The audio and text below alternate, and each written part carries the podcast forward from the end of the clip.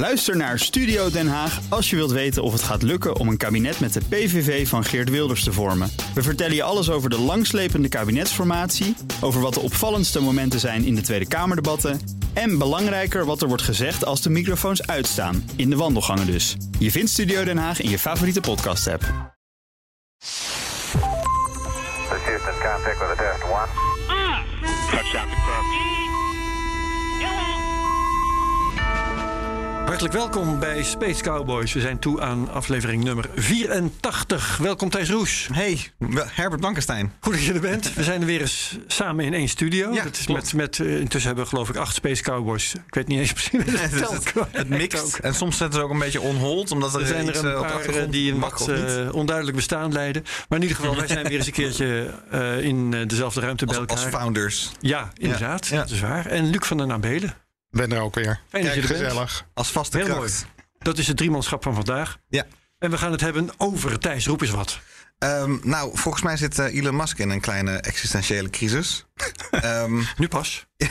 nou, dat had hij op zijn dertiende, dat vertelt hij altijd. En eh, daarom is hij elektrische auto's gaan bouwen en eh, wil, hij de- wil hij naar Mars. Ja. Maar of dat nog gaat lukken, dat is even de Oh. vraag. Hij, hij is bang dat SpaceX failliet gaat en...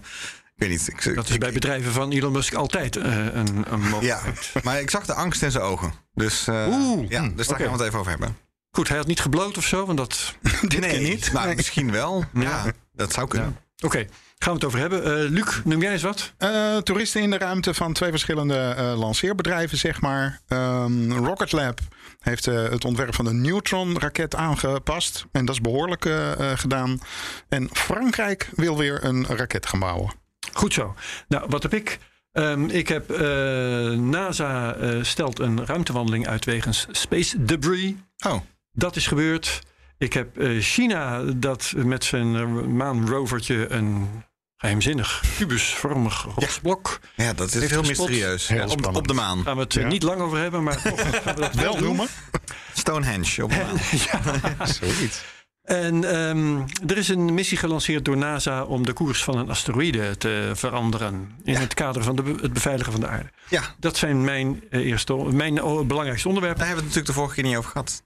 Nee, Toch? dat is in de afgelopen twee weken gebeurd. Dat is Dart, ja, toch? Ja, ja, ja. Oh, ik dacht dat... Nou ja, Nee. Nou, ja, we kunnen het er niet genoeg over hebben, want het is een interessante missie. precies. Thijs, open het bal. Ehm, nou, zullen we dan toch even op de, met dat ding van jou op de maan... eh, laat- Oh, dat vind je het leuk? ja, die, dan- ja, dan- die, die, die is, Nou ja. heel spannend. Laten we die heel daar, we- kunnen we kort over zijn. Het is vooral een, foto, want eh, die eh, U-2 rover die eh, zag een, bij, bij het maken van zijn fotootjes aan de horizon een object staan. En dat zag er kubusvormig uit. En ze wisten niet wat het was en dat weten ze nou nog niet. Ehm, maar goed, eh, die foto's die zijn dus zijn gepubliceerd. Eh, het ding gaat koers zetten naar dit object. De gedachten gaan eh, uit naar een stuk vul- vulkanisch gesteente dat bij meteorietinslagen, eh, dat daar de, het stof omheen is weggeblazen. Dat dit ding als enig object daar dan bleef staan en daardoor een beetje opvalt. Ik vraag mezelf af, zou het wel kubusvormig zijn? Want het Ja, staat, op- oh, het dat staat soort- aan de horizon. Ja, dat je soort grappen hebben we vaak gehad. Precies. natuurlijk. Herinneren jullie het gezicht op Mars? Ja, zeker. Nee. Ja. Oh, Nee. nou, Welk dan moet je maar eens googlen. Face on Mars. Dan, Face on- eh, Face on je Mars van de, van de. Vikings. Ja. Ja, en eh, als je dat vanuit een andere hoek ziet, bijvoorbeeld vanaf het oppervlak, er heeft het helemaal van niks Nee. met ve- Nee, nee, Nee. oké. Maar En- dit is, ik vind het toch intrigerend. Want je ziet het eh, helemaal ehm, ehm, boven de, de horizon uitstijgen. Ja, maar het is dus- een inktzwarte eh, achtergrond. En het En is dat echt, is mooi. Het is hartstikke vierkant.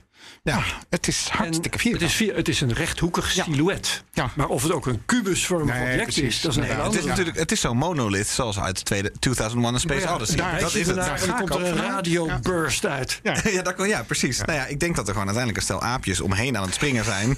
Ja, precies. Die Met zitten, een bot. Die Die- zitten, zitten al drie millennia te wachten. dat ze Tot eindelijk eens komen. langskomen. Ik heb gisteren een ander fotootje eh, gezien. Eh, recht, van, recht van boven eh, genomen. Oh, en het lijkt dan? er dus op dat het een rotsblok is wat net eh, over het randje eh, van een krater eh, staat. Het staat in een krater. ja. Nou, dan heb je natuurlijk gelijk al eh, ja, een plausibele ver- verklaring. Als het inderdaad gewoon een ejecta is van een, Bij- van een inslag of zo, dan zou het het kunnen zijn. Ja. Maar ik vind het wel heel erg leuk om gewoon te fantaseren van... Goh, stel je nou voor dat Arthur C. Clarke wel gelijk eh, krijgt. Jeetje, jongens. Ja, ik, vind, ik vind het ook mooi dat het even over die missie gaat. Dus dan heel even van. Oh ja, U2 wacht. nou ja, dat, ja, dat, ja de, de Chang'e 4 missie, maar de U2 eh, rover. Ja, Ja. Ja. Gaat stilletjes, eh, maar Ja. stevig door. die, die, die, de, de rovert toch iets leuks over de maan heen. En dat, eh, dat is altijd leuk als dat weer even onder de aandacht komt. Ehm, eh, eh, hij gaat er nu heen, maar dat duurt heel lang volgens mij. Ja, twee, drie maanden kan het wel duren. Twee, drie hij, maanden. En hij zit Het wel aan de gaat voetje voor horizon. voetje. Ja, En dat ding staat aan de horizon. Dus het is echt, eh, ik denk, ik schat een paar kilometer. Maar het is ook wel heel grappig. Zo van, ja, de horizon op de maan is heel dichtbij hoor. Dat, eh, ehm, Ja, maar op aarde is het tientallen kilometers. ja, precies. Maar op, het, op dat bolletje, dat, de mensen verkeken zich daar inderdaad wel snel op. Dus een paar kilometer eh, ben je al over de horizon heen. Ja, ja het, is Oh, zo, wel het, is, grappig. het is zo Klein ding, maar goed, het ding gaat natuurlijk 80 meter. 80 meter. Nou, kijk aan. 80 meter? En da- daar, dan, daar dan toch nog twee, drie maanden over. Ja, dat bedoel ik. Dat is wel Dus heel erg lang. Dat, ja, kan die niet wat sneller? Nou ja, ik, mis- misschien dat hij niet natuurlijk in, in blinde paniek recht op dat ding afgaat. Ze hadden natuurlijk een ander plannetje. En misschien eh, neemt hij... eh, Ik lees voor van space.com. Um, it's now expected to spend the next two to three lunar days. En dat zijn twee tot drie aarde maanden. Ja. Dus eh, twee tot drie maanden gaat hij onderweg zijn. Traversing lunar regolith, dat is dat stof. And avoiding craters to get a closer look. Ah ja, So updates can be expected, maar op termijn van twee, drie maanden. Weet je.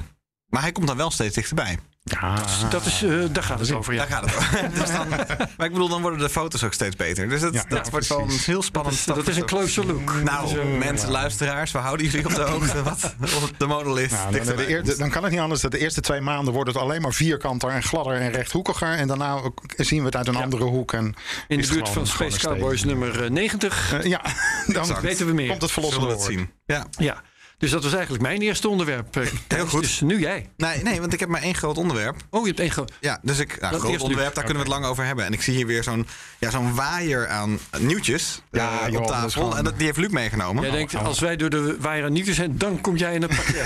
ja, precies. Nou, ik weet niet, ik ben- het moment. Het is net Sinterklaas geweest. Ik weet niet hoe jullie surpriseavonden gaan. Maar het is leuk om altijd eerst die kleine cadeautjes zo te doen. En dan hè, de grote surprises, die komen pas later. Oh, wauw. Ja. Het kind is volwassen. Ja, geweldig. Precies. Ja. Oké, het was launch day eh, eh, vandaag. Ehm, even over half negen Nederlandse tijd op eh, 8 december is Vandaag, eh, ja, precies. Ja. ja, de Soyuz MS-20 eh, gelanceerd. Russisch ruimtevaartuig met eh, een driekoppige bemanning. eh, met het nieuwtje twee Japanse toeristen. Eh Een daarvan kennen we, Yusaka Maezawa. Eh, Beroep miljardair. een miljardair, eh, heeft bedrijven, vervent eh, kunstverzamelaar. maar ook eh, eh, de meneer die bij meneer Musk een Starship-vlucht om de maan heeft gekocht.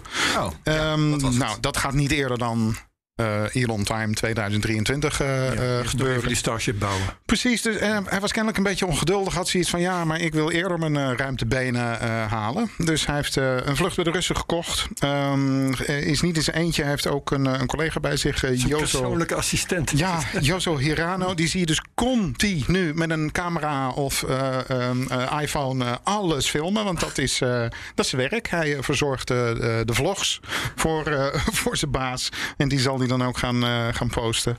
Dus het wordt ehm, ehm, ja, gewoon een korte toeristische vlucht van eh 12, eh, 12 dagen. Hij is eh, ehm, zes uur na de lancering eh, gekoppeld aan het eh, eh, ruimtestation. En ja, hij gaat een beetje uit het raam kijken. En wel nog deelnemen aan, eh, aan wat eh, wetenschappelijks. De Japanse ruimtevaartorganisatie Ja- JAXA is daar eh, eh, bij betrokken. En ja, het is toch voor de Russen alweer een tijdje geleden dat die eh, een, eh, een toerist hebben gelanceerd. De laatste keer was in eh, eh, 2009. Ja, De wel de eerste, toch? Ehm, nee, het gaat verder terug hoor. Ehm, kennis ik geloof dat. ja, dit zijn de, de achtste en negende privépersonen die met de Russen zijn, zijn meegevlogen. Guy La Liberté, die beroemde man van Cirque du Soleil. met zijn rode clownsneus. was de laatste in 2009. Dus ehm, ehm, ja, ehm, Russen zijn, eh, zijn druk bezig met, eh, eh, met toeristen. Er is weer plek. En ehm, ja, we weten allemaal dat de Russen niet echt omkomen in, eh, eh, in het geld. Dus alles wat ze, wat ze binnen kunnen Ja. halen, dat doen ze ook. Ja. Ehm, dan heel klein daarachter uh, achteraan. Ehm, morgen, dat is 9 december, eh, gaat eh, eh, Blue Origin weer een eh, New Shepard eh, eh, lanceren. Ja, we besteden er niet heel veel aandacht meer aan, omdat we het niet echt als ontzettend serieuze ruimtevaart eh, beschouwen. Maar toch, dit is de, eh, de eerste vlucht waarbij zes passagiers aan, eh, aan boord eh, eh, zullen zijn. Eén bijzondere, de oudste dochter van Alan Shepard. Oh. In principe dus de naamgever eh, aan dit eh, ruimtevaartuig. Maar waar gaat hij heen dan? Ehm, dit is weer zo'n eh, zo'n hopje. Ehm, Er gaan zes mensen hoppen. ja, gewoon recht omhoog. Een paar minuten gewichtloosheid. Prachtig uitzicht. En Oh, dat, weer naar ja. beneden. En na tien ja. minuten sta je weer, weer op Dat is aarde. een hele hoge kermisattractie. Precies, inderdaad. Waar de vorige keer William Shatner mee, mee meevloog. Ehm, mooie futuristische patch, embleem hebben ze voor deze missie gemaakt. Ja, jij bent van de emblemen natuurlijk. Ben ontzettend van de emblemen. En in deze ehm, zit een, eh, ehm, aan de onderkant van de capsule, zoals die in beeld is gebracht, staan drie lettertjes. En dat eh, zijn de initialen van Glenn de Vries. Ehm, de astronaut die met de vorige vlucht eh, meevloog. En een paar weken daarna met een vliegtuigongeluk om het leven is gekomen. Ja. Eh, zo snel kan Ja. het gaan. In, in ieder geval heeft hij zijn droom nog, eh, nog waargemaakt. Ja, Dus ehm, ja, het, eh, het, het wemelt van de, van de toeristen even Ja, dat deze gaat, dagen. dat valt bijna niet bij te benen. leuk. Zo. Ja, leuk. Dus- nou, ik vraag me af hoeveel ze betalen. Van, ik Ja, kan maar- bijvoorbeeld een, een, een, een Bezos, die heeft natuurlijk geld zat. Die hoeft het daar niet voor, voor te Zo'n hop is een paar ton, volgens mij. Ja. In ieder geval die orde van grootte. Orde Ja, van Helpt, grootte van helpt het een de. Russen nu bijvoorbeeld? Helpt het de En Russen nu heel erg dat die nog toeristen doen? Een weekje ruimtestation. Ja, dat, in de eh, de- tientallen ja. miljoenen volgens mij. Ja, ja, ja de, de, de- dat zit in, eh, eh, in een miljoen. Ik, ik vraag me af hoor, of het zo goedkoop is om op het ogenblik met Blue Origin eh, mee, te, mee te vliegen. Als het maar een paar ton zou zijn, zou dat namelijk concurreren met eh, Richard Branson. ja. En dan zouden ze het al openbaar maken. En Blue Origin is heel erg eh, eh, geheimzinnig eh, rondom dit soort plekken. Ze adverteren gewoon geen prijzen. Als je geïnteresseerd bent, neem contact met ons op. Staat er op de, eh, op de website. Dus we hebben daar geen inzicht in. Interessant. Goed. Ehm, nou, dan ga ik het stokje overnemen. Eh, NASA heeft dus een ruimtewandeling uitgesteld. Eh, het is een bericht van 30 november, hè, dus het is van anderhalve week terug. Maar het is na de vorige Maar die is niet alsnog Space geweest. Cowboys. Ook dat weet ik eigenlijk niet. jawel. Ja, en daar zijn- wel want ik, geweest. En ik daar heb zijn zelfs- ru- ruimtewandeling zitten kijken. Precies, en Ja, er zijn nu, die circuleren op, eh, eh, op Twitter. Je moet maar eventjes op Marsburn eh eh, eh. Mhm. Ehm, een paar griezelig mooie foto's van die, eh, van die ruimtewandeling. Op, een, op een gegeven moment eh, heeft eh, die astronaut Marsburn aan het eind van de robotarm gestaan. Die helemaal naar boven reikte. Ehm, en vanaf dat punt heeft hij dus een overzichtsfoto gemaakt van het hele ruimtestation met de aarde op de achtergrond. Oké. Fantastisch. Mooie plaatjes. Moet je beslist even Ze opzoeken. moesten een antenne repareren in elk geval. Ja, precies. Dat, ja, dat is dus blijkbaar intussen gebeurd. Maar eerst gebeurde het niet. Vanwege aanstormend eh, ruimteafval. En eh, ik vond het interessant omdat in dat bericht het gelijk ook weer even ging over die eh, zwerm Russisch ruimteafval. Naar aanleiding van die antisatellietvapentest. Ja. En eh, ik vond het wel interessant om daar die gegevens in eh, tegen te komen. Dat NASA eigenlijk intussen zegt van nou dat valt eigenlijk allemaal wel mee. Eh, de reden dat ze die ruimtewandeling uitstelden was trouwens niet zozeer dat het eh, afval waarvan ze dan bang waren dat ze in de baan ervan zouden komen, dat dat gevaarlijk was. Maar meer dat ze het gevaar niet konden bepalen. Hmm. Het was om een of andere reden moeilijk om dat eh, assessment te maken van hoe gevaarlijk is dat. Daarom zijn ze, niet omdat het gevaarlijk was, maar omdat ze het wisten, ja. zijn ze binnengebleven. Eh, dus dat. Hmm. Ehm, Ah ja, en dus in één moeten moet- door ja. zijn ze gaan vertellen dat het met de gevolgen van die Russische satellietaanval wel. eh, zijn ze gaan zeggen dat het daar met die gevolgen wel meeviel. Oké. Ehm, want eh, de, even kijken hoor. ehm, de hoeveelheid eh, afval is met maar 7% gestegen. Even kijken, De, de risk to the suits, de, het ri- risico voor de ruimtepakken, was met maar 7% toegenomen door die ASAT-test, de antisatellietvapentest. Ehm, en dat was eigenlijk binnen wat ze de laatste tijd hebben gehad eh, bij eh, I- IVA's, extravehicular activities, de laatste jaren.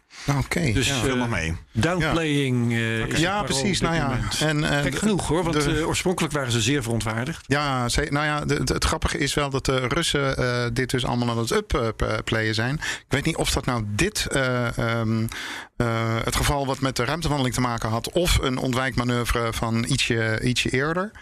Maar toen eh, stond op de Roscosmos eh, site toch wel heel uitgebreid van ja, dit was eh, eh, omdat er een tweede trap van een Falcon 9 eh, raket eh, langskwam. Dus dat was toch wel heel erg vervelend Oh. dat het ruimtestation daarvoor moest, eh, moest uitwijken. Dus die hebben wat, eh, wat tegengas gegeven op alle ellende die ze zelf over, over zich hebben ge- gekregen. Jij hebt intussen Jij bedoelde de deze bewuste foto. foto's. Ja, precies. Er is er nog eentje waarop de astronaut helemaal niet te zien is. En, echt geweldig. Eh, dat is dus van eh, Astro. Dus op Twitter, at Astro Mar M-A-R-S-H Burn. Oké. Marshburn. Mooie. Eh, hele mooie plaatjes van zijn ruimtewandeling. Dus Ja. dat is gek. Leuk, het twitteren vanuit de ruimte. Proberen we Dat nog even leuk. eh, op- in de show notes te zetten. Ja. Ehm, misschien als je mij een link wil sturen, dan. Ja, dat, eh, komt dat eh, helemaal goed. Eh, en verder zie ik nog wat ik noem die 7%, hè, eh, Ja. toegenomen risico.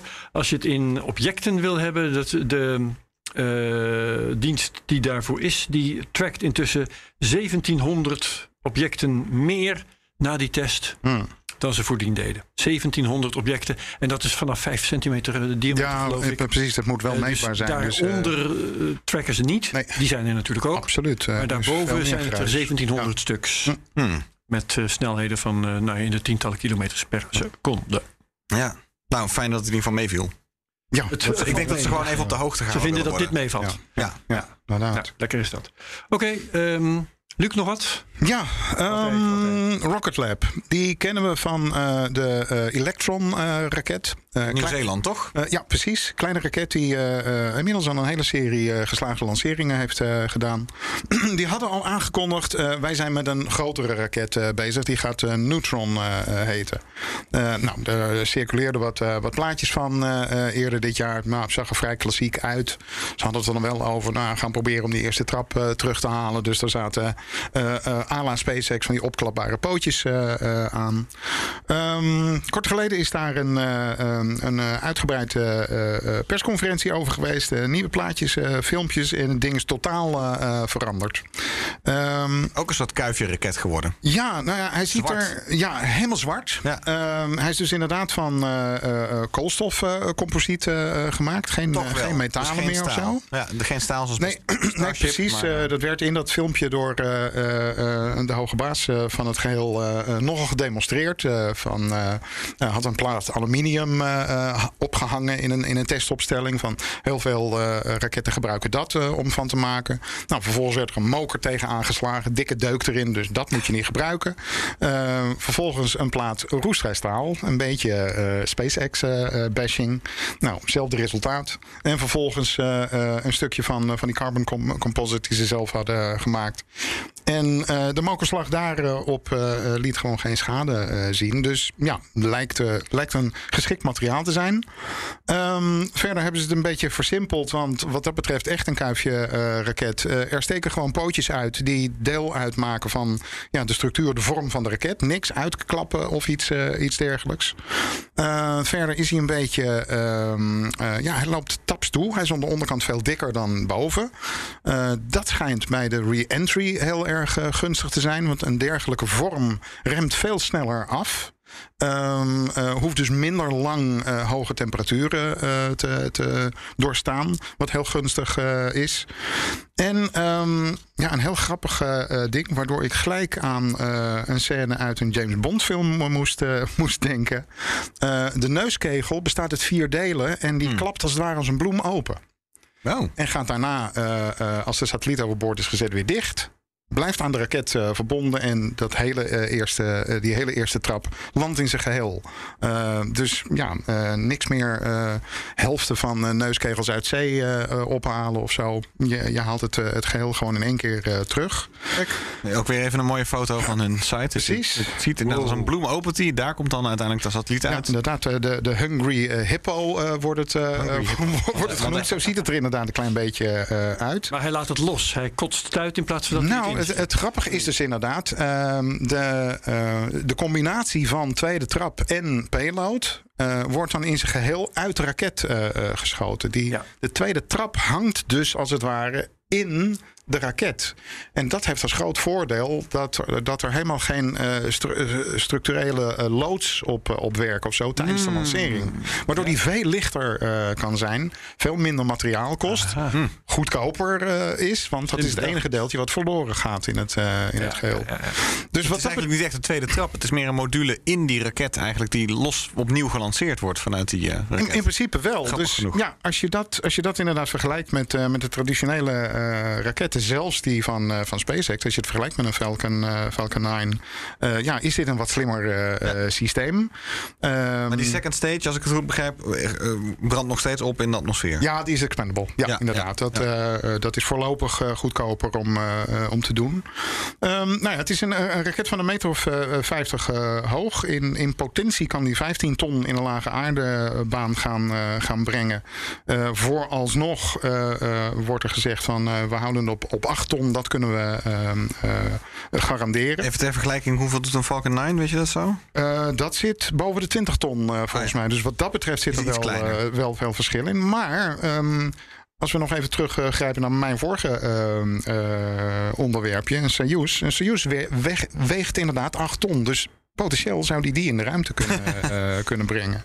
Ehm, nou, verder zeggen ze van eh, we gaan niet eh, eh, rommelen met eh, eh, landen op eh, barges op de, op de oceaan. Dit moet gewoon altijd terugkeren naar de ehm, eh, lanceerbasis. En verder hebben ze nog een, een, een bijzonderheidje. Hmm. Dat het hele ding wordt verticaal gebouwd. En ook getransporteerd. Ze leggen hem dus niet op, eh, op de zijkant. En dat heeft natuurlijk ook weer te maken. Ja, op zo'n manier belast je een, een raket eigenlijk op een manier die een raket nooit meemaakt tijdens de vlucht. Ja. Dus wat dat betreft kan je dan ook de constructie weer, eh, eh, weer wat simpeler houden. Ja, interessant. Dus aan één kant heel revolutionair om een, om een raket zo op te zetten. Tot ik eraan dacht. Eigenlijk is dit gewoon een kleine Starship. Want die weet je op precies dezelfde manier. Die heeft ook geen neuskegels die worden afgestoten eh, en zo. Het concept is precies hetzelfde. Dus, ehm, maar ja, dit moet veel sneller gaan vliegen. Eh, er worden nieuwe motoren eh, voor, eh, voor die dingen ontwikkeld... die al volgend jaar hun eerste test eh, zouden, zouden moeten gaan hebben. En volgens mij hadden zij iets over 2026 om ermee te gaan vliegen. Waar vliegt hij op, dat eh, dat ding? Ehm, weet ik dat? Even kijken. Volgens mij eh hetzelfde als eh, eh, wat, eh, eh, wat Starship gaat, eh, gaat doen. Methaan dus? Ja, methaan, De, de neutron rocket, hè? Want we hebben dus al de elektron, dan hebben we de neutron, dan zal de, de volgende wel de proton worden dan. Ja, maar die hebben de Russen al. Dus, Oh ja, oké. Ja. Ja. Eh, dus fuel, hè, vraag om. Ik zit gewoon even Ja. live mee te googelen bij alles. dat je gelijk hebt, precies. We moeten wel eh, de, de details eh, correct hebben natuurlijk. Ik krijg het zo. Space Cowboys afdeling Fact Check. Ja, precies, precies, precies. Ja, En dan hoe snel is dan ook altijd wat vragen. Van lukt het me eigenlijk... Ik nu praat er nu gewoon overheen terwijl ik eigenlijk aan het zoeken ben. ja nee. nee. Ja, Nou, en- verder hebben ze dus inderdaad Ja, over... eh, me- me- eh, methaan. Ja, methaan. Gewoon precies exact hetzelfde als eh, Starship, ja. Ja, en methaan zij, en, zij, zij willen een, een turnaround tijd van 24 uur. eh, eh, hebben. 24. Ook. Dus ja. Dus eigenlijk is de ambitie daarmee heel vergelijkbaar met Starship. Met eh, het verschil dat deze dus veel ja, kleiner veel, is. Veel, veel kleiner, maar ja, hij zit natuurlijk wel in een, eh, eh, in een niche waarin heel veel spullen die mensen willen lanceren eh, past. Dus eh, Ja. ja. Wel een goede. Pieter Weer. Beck hè, heet die, eh, die CEO Ja, van Rocket Lab uit Nieuw-Zeeland. Wat toch ook, ook wel leuk is, want het is toch een heel klein land. Nieuw-Zeeland, Nieuw-Zeeland, wei- ja. weinig mensen. We zeggen Nieuw-Zeeuws bedrijf. Nieuw-Zeelands Nieuw-Zeeland bedrijf. betreft, ja. Nieuw-Zeeuws. Ze hebben natuurlijk veel, makkelijk veel zeeën waar, waar, waar ze kunnen lanceren. Want ze lanceren ze gewoon vanuit Nieuw-Zeeland, toch? Of ben ik nou gek? Ik zou het niet weten. Wauw. Nee, Rocket Lab. gaan we ook weer opzoeken. Ja, dat is ja. twee voor twaalf. Handig voor eh, luisteraars. Ja. Thuis ook. Eigenlijk dingen die we allemaal uit ons hoofd moeten, Welke moeten luisteraar weten. Maar heeft het voor Thijs? Dingen, dingen, dingen. gelukkig nemen we het van tevoren op. Dat scheelt weer. Eh, hoe noem je dat? De, de basis of zo? Launchbase. Eh, ja, launchbase. Launch hè? site. Maar intussen denk ik dat ik toch maar begin aan het volgende onderwerp. Ja, laten we dat vooral doen. dat is goed Eh, hoor. dat is namelijk die DART-missie. Nou, Maar voor, ik is ben mij er niet toch. Ja, het, is inderdaad? Nieuw- het is inderdaad Nieuw-Zeeland. Ik ken het plaatje. Ik wil gewoon. Oké. Dat is op de, op, de, op, de, op de rand van het. Noorden natuurlijk. eh het Zo dicht mogelijk eiland bij de? Evenaar. Dat zou je denken. Ja, het is het noordelijk eiland. Helemaal aan, aan de oostkant. Op het oostelijke puntje er ligt een soort vreemd schiereiland. En, eh, van Nieuw-Zeeland. En daar wordt gelanceerd. Zoals ik laat even de kaart zien aan mijn medespeler. Ja, ja, ja, ja. Lekker veel, eh, De, veel, de veel hiel kustlijn. van de En laars van Nieuw-Zeeland. ja. Dan zou je toch denken, vanaf Texel zou dat toch ook moeten kunnen?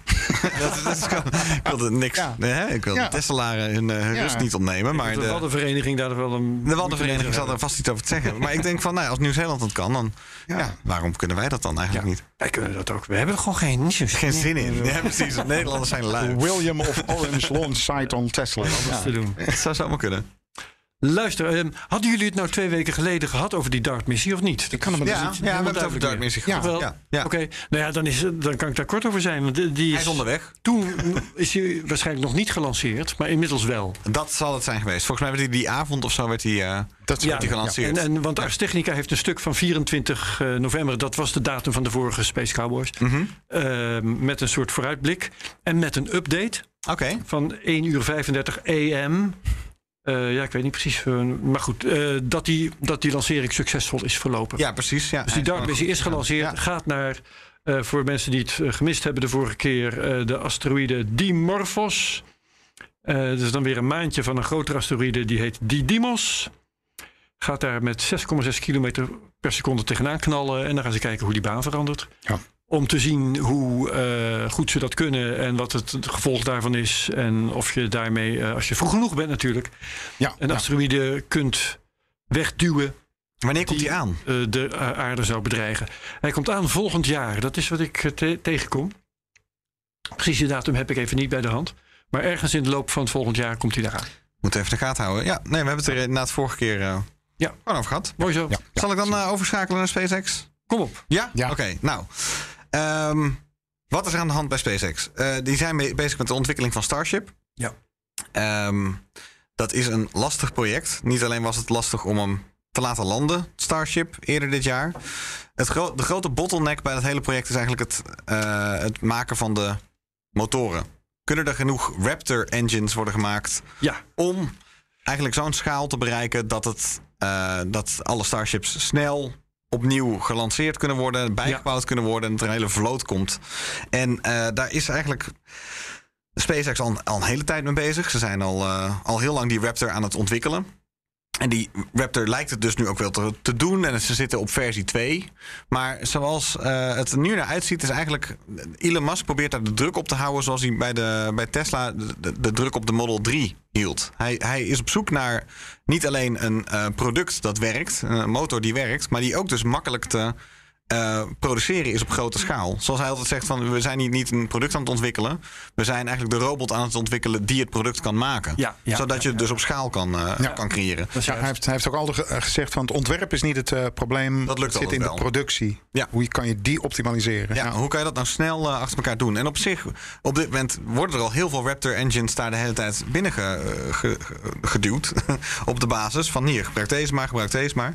Maar het gaat niet snel genoeg. En nu is eh, enige tijd geleden is het hoofd voortstuwing, hoofd propulsion, die is ontslagen. Ehm, en eh, vervolgens begon Elon Musk te tweeten over bijna existentiële problemen. Bij een hoe grote ramp eh, eh, het, hij eigenlijk aantrof op die plek. Het is een, de, de vraag eigenlijk rondom deze hele kwestie is niet van... gekeken. Ja, ja precies. Daar, nou ja, de, de problemen waren al wel duidelijk. Maar dat de problemen zo groot waren, schreef hij, dat had hij niet door. Dat was dan het, het idee.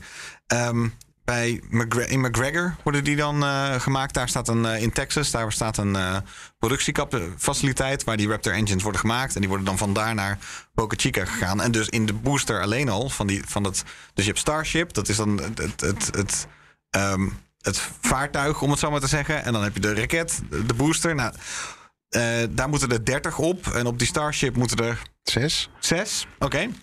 Nou, dan heb je er dus 35 ongeveer nodig, o- grofweg. 35 per lancering. Ehm, en ze moeten tal van tests gaan doen. En zoals Elon Musk het zegt, moeten er twee testlanceringen of twee lanceringen eind volgend jaar al mogelijk zijn. Tegen het eind van het jaar. Nou, voordat ik de rest van het verhaal even vertel, is wel een beetje de vraag: in hoeverre is het nou ehm, Elon Musk die als het ware probeert de drukte hoog op te houden. Om gewoon eigenlijk zo hoog mogelijk in te zetten. Te pokeren, als het ware. Van zo belangrijk is het. Of is er daadwerkelijk iets aan de hand. Eh, dat dus is, is- is dat het- is het, discussiepunt. Pep talk om iedereen op scherp te krijgen? Ja. Of is het echt Ja. een probleem? Ja, of is het. En, en, en misschien is het dus iets een beetje in het midden. Waar het op lijkt in ieder geval is dus, nou, er is op dit moment een, een V2 van die, eh, van, die, van die Raptor engine. Daarmee zijn ze aan het testen geslagen. Maar waar het nu al op lijkt is dat er een totaal, totale redesign aankomt. Dus die Raptor engine wordt een andere engine. Eh, en gaat niet eens dezelfde naam dragen. Dus het wordt geen V- V3. Het is eigenlijk een soort terug naar de tekentafel eh, situatie. Waarbij die dan dus ook nog, ja, dat moet allemaal nog af. Ik weet niet, heb, heb je die plaatjes nog wel eens gezien van dat ze al hangen onder die booster? Ja. Want er zit een soort, iemand noemt het een rattennest van, van bekabeling. En, dus hij doet het wel, ze doen het wel. En het zijn ook bizarre motoren in vergelijking met alle andere motoren die er zijn. Ehm, maar de, de, afwerking is er ook nog totaal niet. Dus, dus ik denk dat hij opeens keek naar van... oké, hoe lang hebben we hiervoor nodig om dit helemaal opnieuw te doen? Dat is in een jaar bijna niet te doen. Want het heeft ons nu al eh, twee, drie, vier jaar gekost. Ehm, en dus eh, ging hij aan de noodbel, eh, de, noodbel luiden. Even, welk punt heeft hij nou op de horizon geplaatst? En dat was voor mij totaal, totaal nieuw. Ehm, Starlink is jullie wel misschien bekend, dus het internet Ja, de- overal. Ja, ja, ja. Het idee daarvan van, het, van, van Starlink is ehm, eh, dat dat voor Mars moet betalen. Eigenlijk is het idee dat SpaceX zijn inkomsten uit Starlink moet gaan halen om gewoon iets van een cashflow te hebben die buiten NASA omgaat.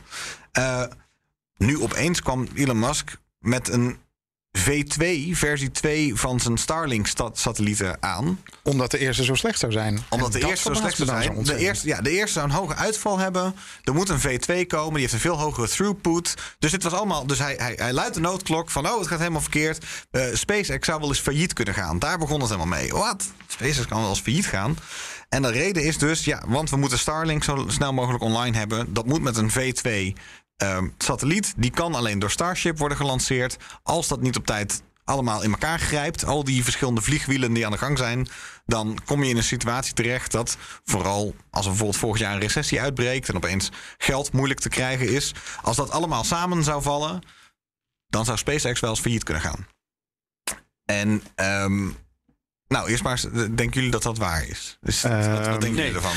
Nee, er zijn ook andere analyses die. eh, Want als eh, het faillissement zou zeggen. dreigen, dan kun je gewoon ophouden met de dingen die geld kosten. Ja, Bijvoorbeeld nieuwe Starlink-satellieten. Ze, ze verdienen namelijk eh, zat met wat ze voor NASA doen. voorlopig. Ja. En dat kunnen ze heel lang volhouden. Dus je hebt gewoon een gezond bedrijf.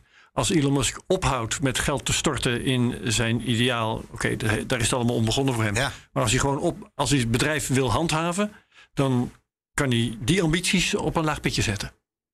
ja. Bo- Bovendien, Hmm. ehm, ik, ik begrijp niet dat eh, eh, een, een kleine satelliet waar er heel veel van gaat lanceren, alleen maar op Starship zou kunnen eh, vliegen. Ik zie die. hij is eh, groter. nee, hij, de, het gaat er dus om hoeveel, hoe, hoe- tegen welke kosten dat moet. Het is een grotere satelliet. Tegen welke kosten kan je die dan goedkoop lanceren? En hoe winstgevend ben je dan dus uiteindelijk als Spa- eh, SpaceX of Starship?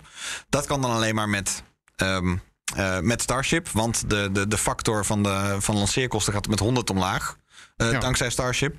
Eh, is in ieder geval de claim van, eh, van Elon Musk. Ja. En dan dus alleen kan je dat, dat Starlink-netwerk zo upgraden dat het als het ware tot volle wasdom zou kunnen komen. Dat is dan het idee. Nou of het dan dus wel of niet failliet gaat, dat laten we dan even in, in het midden, I guess.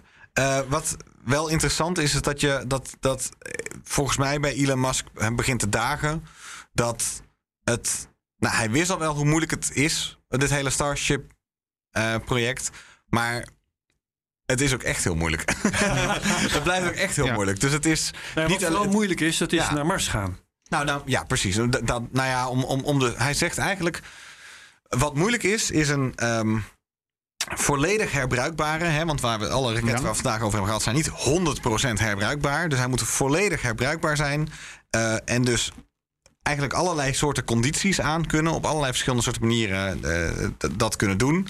En ehm, ja, zulke soort motoren zijn eigenlijk gewoon nog nooit gecreëerd. Die dus als het ware de hele tijd opnieuw gebruikt kunnen worden. En dan ook al die temperaturen van heel koud tot heel heet aan blijven, blijven kunnen. Voor, voor langere tijd. Dat is allemaal nog nooit geprobeerd, ge- eh, gelukt. En pas als er een mo- motor is die dus op schaal dat wel kan doen. Dan is op, dan, zo- zoals hij zegt, als dat gelukt is, dan heb je eigenlijk het hele probleem van multiplanetair worden opgelost. Want dan heb je dus blijkbaar... Oh, nee. Ja, dan, on- nee. onder andere, maar er zijn nog dat, een, dat, paar. een dat paar is het idee. Van, dat is de, de Ja. grote bottleneck, zegt hij, voor, het, Ja. voor alles. Want alle andere is, kunnen we al oplossen, hebben we al. Nou, het is het wel, opvallend dat hij eh, zegt, eh, eh, inderdaad heeft getweet van, wauw, het is een stuk moeilijker dan, ik- dan ik dacht. En af en toe twijfel ik er wel aan of het ons gaat lukken. Ja. Heeft hij nooit eerder zei hij deze week dus Ja, weer in een interview met CEO's bij de Wall Street Journal. Heel gaaf interview, een half uur, waarbij hij echt even de hoofdpunten nog eens een keer herhaalde. En ook een update gaf eigenlijk over alle producten waar je de laatste tijd iets minder over hoort, zoals eh, Starship. Ehm, en daar was hij.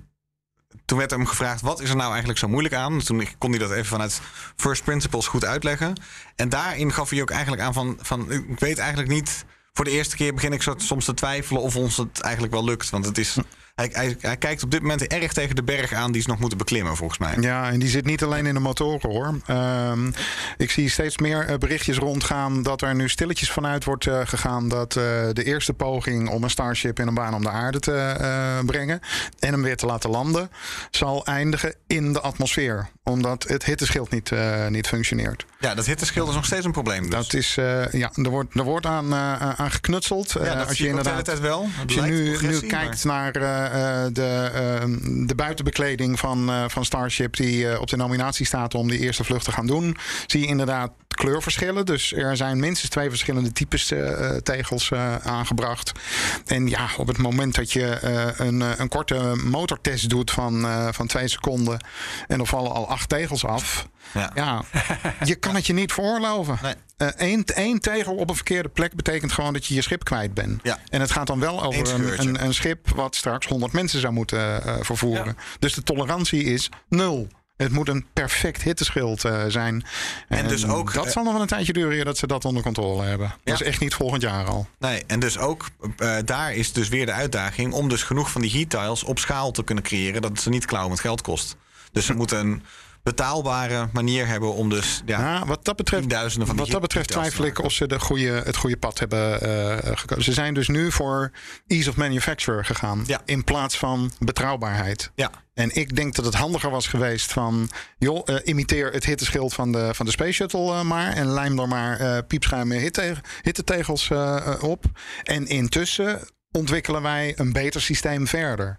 Dus ze hebben nu gelijk gezegd van... nee, we gaan gelijk voor dat hele ambitieuze. ja dat, dat is dat is En dat zou eh, ze wel eens en twee, Tesla drie jaar extra kunnen gaan kosten. Ja. Anders zouden ze niet vanaf, vanuit eh, first principles redeneren. En Ja. dat, ja, dan, dan, dat, dat is natuurlijk wat ze doen. Maar nou ja, het lijkt er dan nu op dat ze dat niet goed genoeg gedaan hebben. Nee. Ze hebben dus niet goed genoeg de risico's eh, ingeschat. Dat, dat vind ik een enorme tegenvaller eh, van, van iemand van wie, nou, ondergetekend zeker, toch allemaal een beetje de indruk hadden van, nou, hij is het genie die, die de oplossingen heeft voor dit alles. Is hij ook wel, maar dus blijkbaar niet voor het kliksysteem waarmee die heat tiles dan vast moeten. Want daar, daar komt het elke keer op uit. Hè? Dat er dus een kliksysteem is en dat lukt niet om dat te vervolmaken.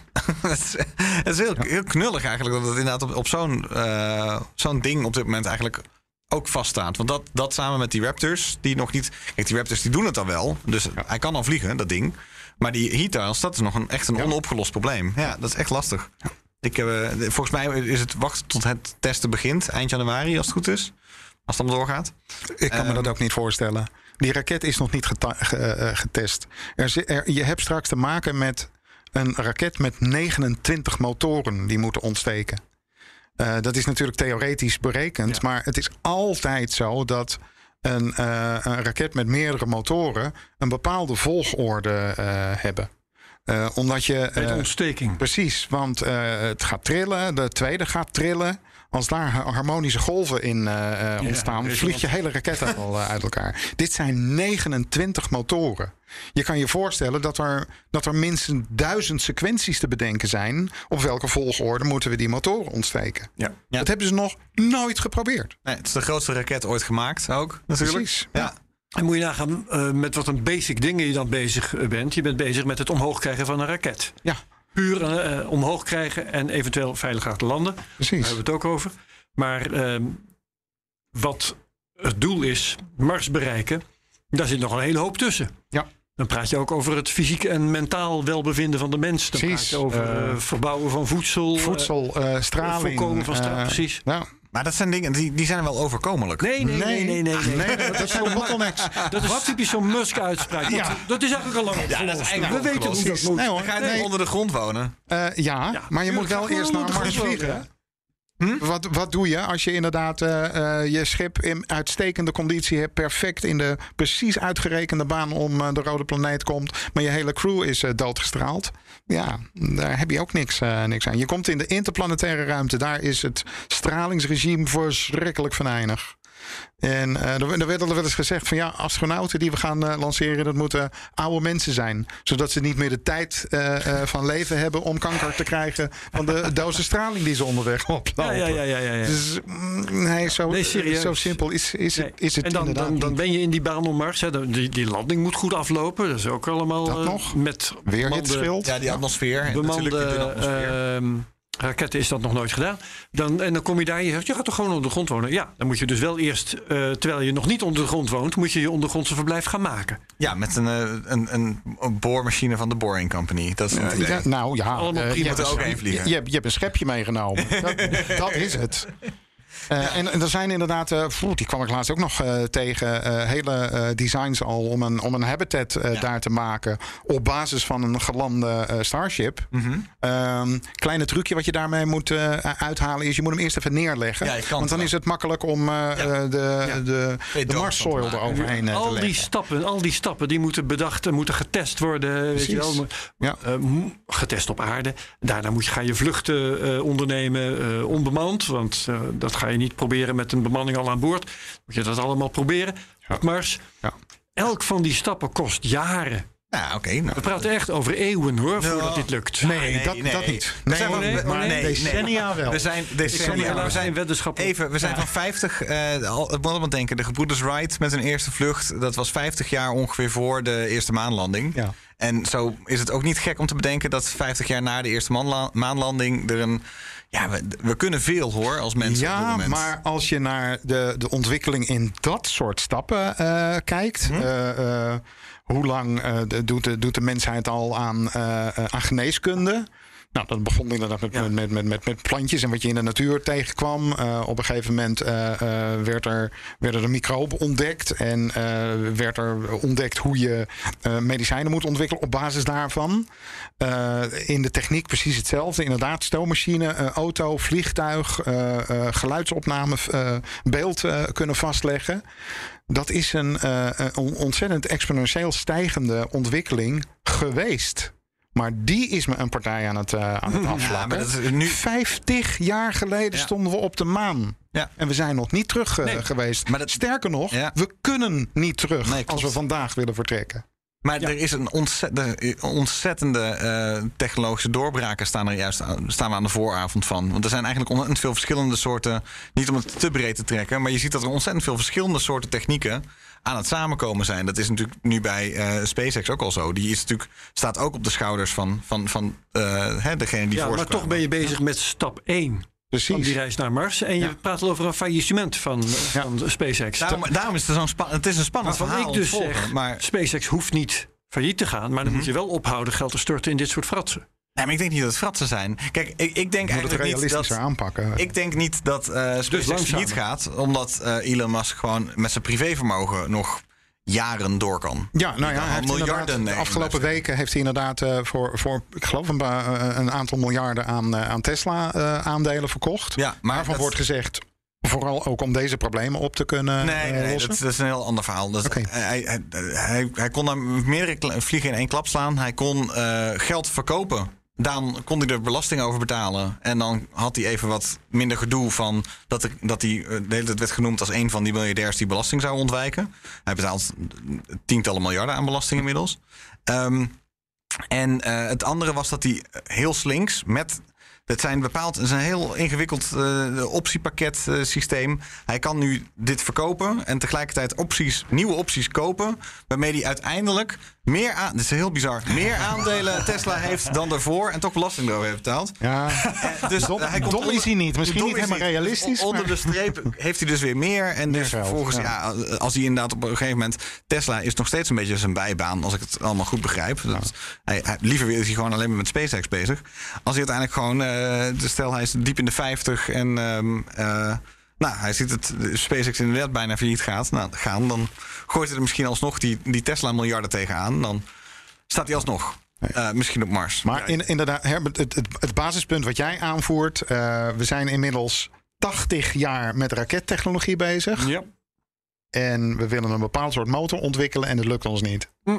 En dat is inderdaad wel iets wat mij nog steeds verbaast. ja, omdat het zo In moeilijk is. principe d- dat er nog steeds af en toe raketlanceringen mislukken. Ik begrijp het niet. Ik begrijp het echt niet. Dat is wel een goeie. Want Ja. als, je, als je het aantal eh, ongelukken gewoon door mechanisch eh, falen eh, van, van de raketten vergelijkt met wat er in de luchtvaart gebeurt. Ja, presteren we toch echt niet zo goed hoor in die, eh, in die raketten. Ja, ze zijn natuurlijk niet herbruikbaar. Dus het is ook natuurlijk zo heel vaak moet je ze testen en dan moeten ze het doen. En Het als ze herbruikbaar doen het. maken van raketten heeft voor eh, eh, hele nieuwe technologie gezorgd. En die moest getest worden. Heeft een hele hoop ongelukken opgeleverd. Ja. Die ingecalculeerd waren. Dus zo erg is het allemaal niet. Nee. Ehm, en dat moet nu eh, heel erg betrouwbaar worden. En we weten nog niet hoe betrouwbaar het is. Maar ehm, ja, sinds een tijdje zijn er toch al geen ernstige dingen meer mee gebeurd. Dat is Nou ja, ernstig. Als, als een, eh, ehm, eh, zelfs als het gaat om nieuwe eh, eh, ehm, types raketten, die nu inderdaad als, als broodjes uit allerlei fabrieken over de hele wereld komen. Maar als er inderdaad wordt geconcludeerd van ja. de tweede trap is wel netjes afgescheiden, maar de motor is niet gestart. dan hebben ze zoiets van: ja, Jezus, jongens. We zijn inderdaad bijna een eeuw, een eeuw bezig. Waarom lukt dat niet? Zo ingewikkeld. Het is, Zo ja, het is wel is het rocket dus. science, maar het is geen tovenarij meer zo langzamerhand. En dat, ja, nou ja, misschien moeten, we- moeten we inderdaad eens een, een hypertechneut eh, uitnodigen die ons dat komt vertellen. Maar Waarom het zo moeilijk is. waarom het zo moeilijk is na 80 jaar ervaring in het bouwen van raketmotoren. Ja, maar dus niet van eh, her- goede herbruikbare raketmotoren. Ja, nou, dat daar, is- daar komt het, hè, rapidly reusable. Ja, ja, ja. rapidly reusable, dat is. Er is ontzettend veel eh, meer software in die dingen gaan zitten. Ja. Wat de foutenkans natuurlijk vergroot. Ja, ja. software heeft Ja, nee, zeker. Ja. Het eh, eerste Ariane 5 eh, spatte uit elkaar omdat er een verkeerd eh, navigatieprogramma was geüpload. Niet omdat er iets fout was in de raket. Ja, ja, ja, dat ja. kom je ook wel tegen natuurlijk. Ja. Nou, ik weet niet of het positief nieuws is, maar even afrondend over Mhm. de Raptor engines. Eh, de, de vorige, het vorige senior management is dus weg. Dat is die Will, Will Heltsley, die deed een paar jaar. Die is nu eh, verdwenen en nu moeten, even kijken hoor. Lee Rosen en Rick Lim, die zijn ook weg. Ja, en nu is het uiteindelijk Jacob McKenzie. Die werkt al zes jaar voor SpaceX. Die moet het nu allemaal gaan vlottrekken en eh, gaan oplossen. En nou, ik ben benieuwd. Er moet dus, eh, het- zoals Elon Musk het zei, eind volgend jaar moeten er twee, eh, twee Starships per week vliegen. Twee, twee per week. Nou, dat soort dingen heb ik altijd grote moeite om te geloven. Maar als het zover is, Ja. dan zal ik het graag accepteren. Ja, ik, zie, ik zie het inderdaad ook niet, niet gebeuren vanwege alles wat we, wat we net al eh, hebben genoemd. Er ligt nog zoveel in, eh, in de weg. En ja, wat dat betreft. ehm, eh, ik heb al vaker gehoord dat eh, eh, de manier van werken bij, eh, eh, bij SpaceX eh, echt redelijk extreem is. Eh, dat de 80-urige werkweek heel normaal is daar. Ehm, dat hij nu inderdaad de fout constateert. En een mailtje stuurt naar iedereen. Met, met daarin ook nog even tussen de regels door. Alleen als jij hele ernstige eh, eh, familiale redenen hebt om het aanstaande vrije feestweekend eh, Ja. niet bij ons te zijn. Ja, Dat schreef hij op de avond van Thanksgiving of ja, ik ochtend geloof na het wel. Ja, Thanksgiving. inderdaad. ja, want, ik, ik had nu voor het eerst in jaren een vrij weekend gepland. En nee hoor, ik ga in de fabriek er zijn. Ja. Ik blijf er slapen. Alsof dat de problemen oplost ook. Hmm. Bovendien, ja, moet je er ook niet mee rekening houden dat je je personeel aan het uitknijpen bent. Heeft dat misschien ook te maken met dat het allemaal niet meer zo lekker eh, Je wilt gaat? ze graag in de business houden. Nou, Precies. Ja, nee, ja ik, ik snap op zich. Het, ik, kijk, als je langer termijn denkt, vind ik, ben ik het gewoon echt wel eens met Elon Musk dat het echt zomaar zo kan zijn dat er maar een beperkt window is voor de mens om dit te kunnen doen. En dat we dat er dat kan altijd, om wat voor vreemde reden die we op dit moment niet kunnen bedenken, een soort vreemde middeleeuwen aan, aanbreken die 200, 300 jaar duurt. Dat heeft de geschiedenis al heel vaak laten Nou, zien. Nou, eh, er hoeft nog maar een variantje in COVID eh, te komen. Precies. De helft van de Ja, En- wereldbevolking en, is en de. Verenigde Staten, ik bedoel, ik, ik Maar volg de dat politiek een stuk minder dan voorheen. Dat wil niet zeggen het dat je je moet gedragen alsof dat venster inderdaad er is. Alsof er een eindig venster... Nou, dat zegt hij dus van wel. Kijk, dus we moeten ons juist wel gedragen alsof dat venster er is. Want als, als het venster eindigt, dan weet je niet wanneer het eindigt. Dat kan eh, eind dit jaar zijn, straks. Maar er is toch een groot verschil. Ik weet niet, Of over vijf jaar. Of Al, over al die 50 Mad. Max-achtige films, waarbij je dan ziet dat, ze, dat, dat een soort post-apocalyptische wereld, waarin dus de technologie van, van nu, als het ware, leidend is voor wat je dan in zo'n post-apocalyptische wereld hebt. Het is natuurlijk niet gek om te denken dat mocht er een soort slowdown komen, dat er dan technologische ontwikkeling, die stagneert dan. Ja. Als, je het, als je de techniek al voorhanden hebt, je hebt de grootste problemen al opgelost, dan, dan, dan kan je voorbij zo'n punt werken. Maar dat neemt niet weg. Stel dat je met z'n allen tot de conclusie komt... we moeten echt zo hard mogelijk werken. Dat wil zeggen, we Mhm. moeten een zodanige strategie kiezen... dat we zo snel mogelijk klaar zijn. Dat is niet hetzelfde als zo hard mogelijk werken. Ja.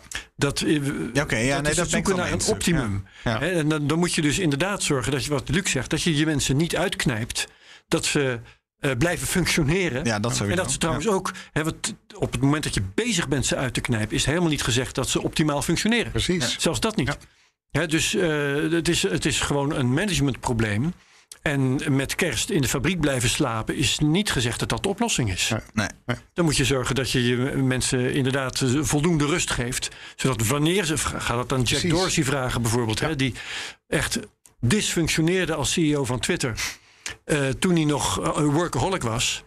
En nu besteedt hij zijn tijd aan slapen en aan wandelen naar zijn werk. En Ja, aan eh, precies. Want als heel je bewust eten. goed uitgeslapen op je, op je werk komt... En nu- heb je misschien die ochtend wel dat idee... Ja. wat ineens het verschil... En nu functioneert hij wel. Ja. Dus dat, ze- dat zijn echt problemen waar je iets beter over moet nadenken dan Musk zo te horen. Ja, en ze werken natuurlijk als een soort militaire missie, hè? Dat is een beetje het idee. Dus Ja. ik, snap het wel. Eh, Eigenlijk waarom, als het elders niet werkt, waarom zou het daar dan wel aantal werken? capabele mensen in deze, voor, hè, voor, voor- met de juiste gaven voor deze business is eindig. Ja. En dan moet je dus de mensen die je hebt en die al je bedrijf koesteren, kennen en zo, ja. moet je niet opbranden. Eh, moet je zorgen dat ze niet vertrekken naar andere bedrijven, dat ze niet vertrekken naar een heel andere business, dat ze niet gewoon dood neervallen, wat ook kan. Ja. Maar Ja, ik denk dat dat allemaal meevalt, dat ze weglopen. Nou, ja, dat gebeurt dus wel bij SpaceX. Op, Jawel, maar Ja, ik, ken, ik ken er sowieso al één die daar heeft gewerkt en terug is gegaan, in dit geval naar Google. Mhm. Waar je ook niet echt eh eh luizenleven lijkt. Nou ja, nee, nee. Maar een vriend van mij werkt voor Google en die zei: ik heb nog nooit, ik heb nog nooit zo gewaardeerd gevoeld in een baan als hier. Dus dat. Eh, eh, het, het hoeft niet alleen maar, en die kan heel veel vanuit huis werken. Eh, Bij SpaceX denk ik wel altijd inderdaad van je, je, je geeft daar je leven aan. Dat is, als je een familie hebt, is, eigenlijk dat kan sowieso is het vergeten, vrij moeilijk. ja. En als je dus ook rondkijkt bij die lanceringen en je kijkt in dat publiek wie staat er te klappen, dat zijn allemaal mensen die zijn. eh, Als ik daar rond zou lopen, zou ik echt de- nee, de oudste zijn. Dus ik, ik en ik ben nog geen 40. Oh, op die manier. Bijna. Ja. En eh, allemaal van in de twintig, net uit school. En allemaal met een grote visie en, eh, en, en Ja, energie en- om op te branden. en, en, en, en passie en ambitie. eh, Ja. eh, en hebben er daardoor heel veel voor over. ja. Maar en, en zoiets, zien we in de maatschappij wel vaker Ja. fout gaan. maar zoiets als, ik denk als een, als een Trump die dus langskwam. eh dat, dat, ik denk dat een hoop eh, mensen van onze generatie ook wel denken van... God, je kan ook gewoon vrij snel je hele samenleving om zeep helpen. En dat, eh, dat kan zomaar binnen, binnen een paar, een paar jaar gebeurd zijn. Als je ziet hoe snel in de Verenigde Staten bijvoorbeeld het verschil tussen arm en rijk... en dus in opleiding, hoe snel dat gaat... en hoe Ja. snel de Verenigde Staten van hun troon aan het vallen zijn... ten opzichte van China... dan moet de ambitie van China maar net zo zijn... dat zulke dingen gedaan eh, kunnen worden. En ik vind wat dat betreft... komt er behalve SpaceX en, eh, en Tesla... eh, weinig inspirerends uit de Verenigde Staten de laatste jaren. En eh aan zulke plannen, om het zo maar te zeggen. Dus ik, ik hoewel ik de, de praktische kant echt wel een soort van respe- respecteer... je kan natuurlijk mensen niet helemaal kapot maken en dat allemaal... snap ik dus de ur- urgentie en de noodzaak... En het lange termijn denken ook wel. Want er zit wel iets in dat. Dat wel, maar het, het, een Elon Musk komt niet heel vaak langs in de Nee, geschiedenis. nee, dat is absoluut waar. Het is een van de weinige zieners. in, eh, zelf waarschijnlijk ook. Sorry? Ja. Dat vindt Elon Musk zelf waarschijnlijk Ja, ook. dat is sowieso. Anders had hij nooit gedaan. Dat Ja. denk ik wel. Ja. Maar het, het, het, ook het feit dat eh, wij het al een aantal jaren hebben over. Elon heeft dat gezegd, maar ja, het is Elon time. Ja. En daar zie ik hem dus niks van leren. Hij blijft onrealistische termijnen eh, noemen. Waarvan iedereen, de hele pers en inmiddels een, een groot deel van de mensen die, die dat volgt, weten van. Keer ja, twee, de keer twee. Ja. Dan hebben ze iets van: zou het niet veel verstandiger zijn om dat wat bij te stellen en het echt realistisch eh, te Nee, maken? want anders gaan mensen niet rennen, denk ik. Ja, je moet altijd een soort van Ja. altijd een gevoel van extreme urgentie ja. Maar ja, maar niet, niet te lang. Kijk, tot, het, tot die op een het, gegeven het, moment. het rennen lijkt nu zijn, zijn, zijn wrange vruchten eh, Ja. eh, af te werken. Maar dat zie je, is dat zie je bij. Tesla nu ook. Van, van- die zijn dus eigenlijk nu voorbij dat punt van dat grote rennen. En nu voor de eerste keer eh, bijvoorbeeld kwam daar een e-mail van... jongens, jullie hoeven aan het eind van het kwartaal niet meer te rennen. Doe maar gewoon wat het goedkoopste is om die auto's te leveren... in plaats van dat je het nummertje per kwartaal probeert op te krikken. Ik denk, stel dat, die, dat met die Raptor dat, dat dat probleem wordt opgelost... En, je, en ze vliegen eenmaal... dan is dat natuurlijk een totaal andere dynamiek... waar dat bedrijf in terecht komt. Ze, ze willen eerst op dat punt komen van... Die Raptors die kunnen we op grote schaal eh, produceren. Ze doen het, ze werken het en, en het, het doet het allemaal. Dan pas kan gerust worden. En ik denk dat Elon Musk zo ongeduldig is... omdat hij het gevoel heeft dat hij toch echt al een paar jaar verloren is bij Tesla. Omdat hij eigenlijk al twintig jaar hiermee bezig is. En toen eh, ja, die, die, die sidejob ging Ja, doen... om even moet ik kiezen? de wereld naar eh, duurzame energie te krijgen. Dus dat ehm, even tussendoor. Ja. Ja, Elon wil heel erg veel. Hij wil vrij daar, veel. Daar moet hij misschien nog eens keer vrij over ja, precies. Keuzes maken. Maak keuzes, ja, Ja. precies. Nou, tot, eh, tot zover. In ieder geval... eh, Helder. eh, eind januari hopelijk eh, gaat er toch een de lucht in. Ja, precies. Goed. Ehm, mooi zo. Nou, rondvraag. Eh, Luc, jij nog wat? Ehm, ja, la- laat ik het inderdaad eh, eh, dan wat, wat, wat kort houden, want het verhaal is ook niet helemaal glashelder nog. Ehm, Frankrijk wil weer een raket ontwikkelen. En het gaat via allemaal heel ingewikkelde routes. In principe is Ariane Spas het Franse bedrijf dat de Europese Ariane-raketten op de markt eh, brengt. Eh, die hebben nu eh, zoveel geld van de Franse staat gekregen dat er een soort subcompany wordt opgezet, Maya Space, die een kleine herbruikbare raket gaat, gaat bouwen. Ehm, nou, nu al zou je denken, ehm, die gaan natuurlijk ontzettend achter de, de feiten aanlopen. Nou ja, we hebben het net uitgebreid gehad over wat herbruikbare raketten allemaal eh, eh, vermogen op het, eh, op het ogenblik. Ehm, en dit vindt wel plaats in een, in een vreemde ehm, eh, eh, in een vreemd tijdsgewricht als je kijkt in Europa, ruimtevaart en industrie. Eh, je ziet aan alle kanten, vooral uit Duitsland en Engeland zelfs, initiatieven voor kleine raketten komen. Die men ook nog herbruikbaar wil maken. We staan op het punt om afscheid te nemen van de Ariane 5 eh, raket. Die nou zo ongeveer de afgelopen eh 20, 25 jaar een moment had dat ze de, helft van de commerciële satellietlanceringen eh, eh, eh, in handen hadden. Van die raket gaan we afscheid nemen en de Ariane 6 komt eraan. Die eigenlijk niks meer is dan een iets gemoderniseerder en wat goedkoper te eh, produceren eh, Ariane 5. Maar zonder enige herbruikbaarheid. Ja, ja, ja. Eh, uit steeds meer hoeken hoor je eigenlijk van ja, die raket is nu al verouderd en die gaat waarschijnlijk maar heel kort de rol van een soort tussenpauze eh, spelen. Ehm, intussen is Duitsland van alles naar zich toe aan het trekken in het ontwikkelen en bouwen van raketmotoren, wat vroeger inderdaad toch best eh, een Franse eh, dingetje was. Ehm, en een, eh, een paar weken geleden, eh, geloof ik, heeft eh, eh, Macron een paar miljard eh, eh, geïnvesteerd in een visie eh, eh, Frankrijk 2030. Waar ruimtevaart inderdaad een heel groot eh, eh, ding moet, eh, eh, moet worden. En ja. Ook in, in, in, in, in dat licht lijkt het dus een beetje van eh, ja, Franse gekrenkte eh, trots. Eh, wij willen geen tweede viool spelen. Ehm, inderdaad, jaren 70, 80 waren zij de grote jongens op het gebied van, van raketten. En zij willen nu in dit gaatje gaan, gaan springen. Nou, er- was dus inderdaad dan een initiatief om een, een nieuwe eh, eh, raketmotor te ontwikkelen die herbruikbaar zou, zou zijn, de Prometheus. Ehm, daarvan hadden ze, daar gaan we er eentje in een kleine raket eh, monteren. Daar gaan we testvluchten mee, eh, mee doen.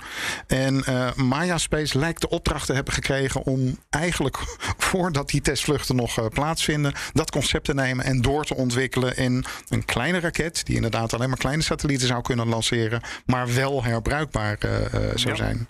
Dus ja, wel een ontzettend interessant eh, ehm, concept. Ehm, eh, hoog tijd dat eh, Europa zich een, een, een beetje gaat heroriënteren van ja, wat moeten we nou eh, eh, doen om er straks een beetje bij eh, te, te kunnen blijven. Eh, maar tegelijkertijd, en dat is dan toch wel weer het grote nadeel van eh, eh, Europa, er komen weer allerlei nationale belangetjes Ja, ja. eh, omhoog en het wordt weer een heel groot politiek verhaal. En dat, dat is wel jammer. Ik zou het ESA zo ontzettend gunnen eh, dat ze de koppen bij elkaar steken, de buitens eh, eerlijk verdelen en zeggen van kom jongens, met vereende krachten eh, laten we nu snel wat aan eh, eh, eh, reusable launchers gaan, gaan doen. Je zou toch ook inmiddels denken dat er misschien in Europa op een gegeven moment een Rocket Lab, een SpaceX-achtig bedrijf opstaat. Dat, Ja. dat eigenlijk die, die contracten gewoon binnensleept met veel meer, Ja. veel dynamischer en flexibeler eh, producten Het kan is, ontwikkelen. het is weinig, het is heel klein. De, de meeste zitten toch echt nog onder de vleugels van, van de traditionele structuur Ja. eh, van eh, nationale ruimtevaartagentschappen of Ja. ESA of een combinatie daarvan. En dan blijven we maar in, in Dus wat jij zegt, hè, als er zo'n bedrijf opstaat, wat Thijs bedoelt, eh, dat iets moois kan, dan eh, ontstaat er al gauw in een ander land een concurrerend bedrijf. En dat krijgt dan een deel van de poet, omdat het, dat andere land ook aan bod moet komen. Weet Precies. je wel? En dan ben je- ben je dus je geld ontzettend aan het versnipperen Ja. over hele kleine eh, dingetjes. eh, waarvan je al weet dat de meesten het niet gaan In redden. plaats van dat je Dus alles zet op de grootste kans Precies, hebben. inderdaad. Van, denk nou een keer goed na, maak een goed plan en ga er groot voor. Maar nog niet, het, het feit dat hij, dat hij niet herbruikbaar is. Kijk, er zal natuurlijk wel iets van een markt blijven voor de niet herbruikbare. Alles dat op een of andere manier toch niet terug hoeft te komen, om het zo maar te zeggen. Dat, dat hoeft dan sowieso niet op die manier. Ik kan me voorstellen dat er misschien, maar dat zeg ik als leek, er misschien ook nog wel een ander soort techniek ontwikkeld wordt rondom die raket. Of dat je misschien eh, ook voor een tweede trap sommige van die technologie nog zou kunnen gebruiken. Ik weet niet of jullie daar iets vanaf weten. Nou ja, de- de- kijk, er wordt natuurlijk heftig nagedacht over hoe kunnen we ook tweede trappen herbruikbaar gaan, eh, Ja. gaan maken.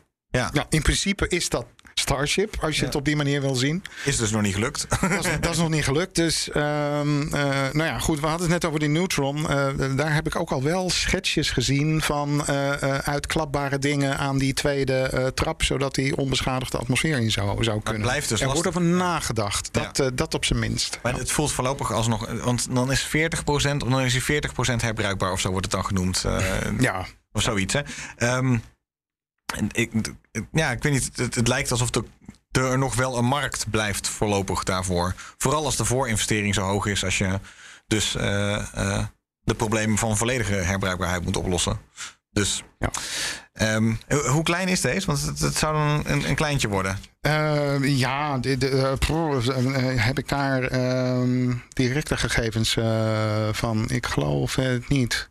En dit is dus los van de hele Ariane 6 die dus ook Ja, zeker. Want dat is, dat is al helemaal. eh, Dat ding is in principe eh, af. Daar kunnen we ook niks meer aan veranderen. Nou, dan blijf ik even bij de Ariane. Dat, even vooruitblikken naar iets dat eraan zit te komen. Dat is de lancering van de James Webb-telescoop. Oh, wacht even. Ja, Ja, nou, wordt het, nou dat- wordt het weer spannend. Ja. Ja, dat gaat op Als een Ariane laatste 5. dan, hè? Is dat, ik weet, ja, dat zal de laatste zijn. Dat is op een Ariane 5. Eh, i- i- is dat ding heel betrouwbaar? Ja, zeker. Zeg dat nog een keer. Ja, Ariane 5 is een enorm goede raket. Ja? Can I quote you? Hoor. Ja, als ik hij aan. toch ontploft, hè? Ja. Eh, James Webb staat eh, gepland voor 22 december. Woensdag 22 december. Dat is Space vlak, Cowboys dag. ja, vlak voor onze volgende uitzending. Ehm, ik eh, wil heel graag via... Hou onze Twitter in de gaten. Het Space Cowboys Pot. POD, Ehm, ja. Ja, wat is jouw Twitter-handle, eh, Herbert? HM Blank. Hm, Blank. Hm, Blank. En de mijne is Thijs Roes. En wat is de jouwe? Eh, Luke, Luke Creation. Ja, hou die allemaal in de gaten. Eh, Want eh, eh, misschien dat we een Twitter Spaces doen rond die, rond die tijd. En anders hebben we misschien, als die een beetje uitgesteld wordt, hebben we misschien wel een uitzending die live meekijkt. We, we, we kijken wel eventjes hoe het precies loopt. Hou onze Twitter in de het gaten. zal lang onzeker blijven, omdat natuurlijk die precieze, het precieze moment van die lancering lang onzeker zal blijven. Ja, alhoewel die op dit moment dus gepland staat voor woensdag 22 december op ongeveer 1 uur 's middags. Dus kijk, Maar goed, hij is al vaker een keer gepland. En, Ja. Wat dat betreft wa- wachten er al natuurlijk al, eh, wat is het? Hij is elf jaar uitgesteld, de lancering. Zoiets. Niet in één keer, maar... Nee, niet in één keer. En dan, nu is ook nog de vraag, gaat hij daadwerkelijk voor de kerst? Maar Ja. het zou zomaar kunnen. Ja. Eh, de opvolger van de Hubble, moeten we hem, moeten we hem nog uitleggen? James Webb telescoop. Nee, dat kijk je me naar een eerdere aflevering. ja, precies. Luister vooral naar. Maar stay tuned, want dat, eh, dat gaat gebeuren. En ik denk dat iedereen die knijpt de billen bij elkaar in de hoop dat dit ding niet tot een grote vuurbal van wordt. Juist. Dat zou echt. Dan, dan, dan, Nee, denken dan, we niet aan. We zijn de middeleeuwen eh, dat zou best wel officieel ja. begonnen, denk ik. Dat is wel ja, de tweede middeleeuwen. Ja. Oké, De donkere dagen. tot zover Space Cowboys. Dankjewel Thijs Roes. Dankjewel Herbert. Dankjewel Luc van den Belen. Graag gedaan. Dit was Space Cowboys 84. En dankjewel voor het luisteren. Alle en bedankt voor het luisteren. En tot de volgende keer. Bij de volgende Space Cowboys. Dag.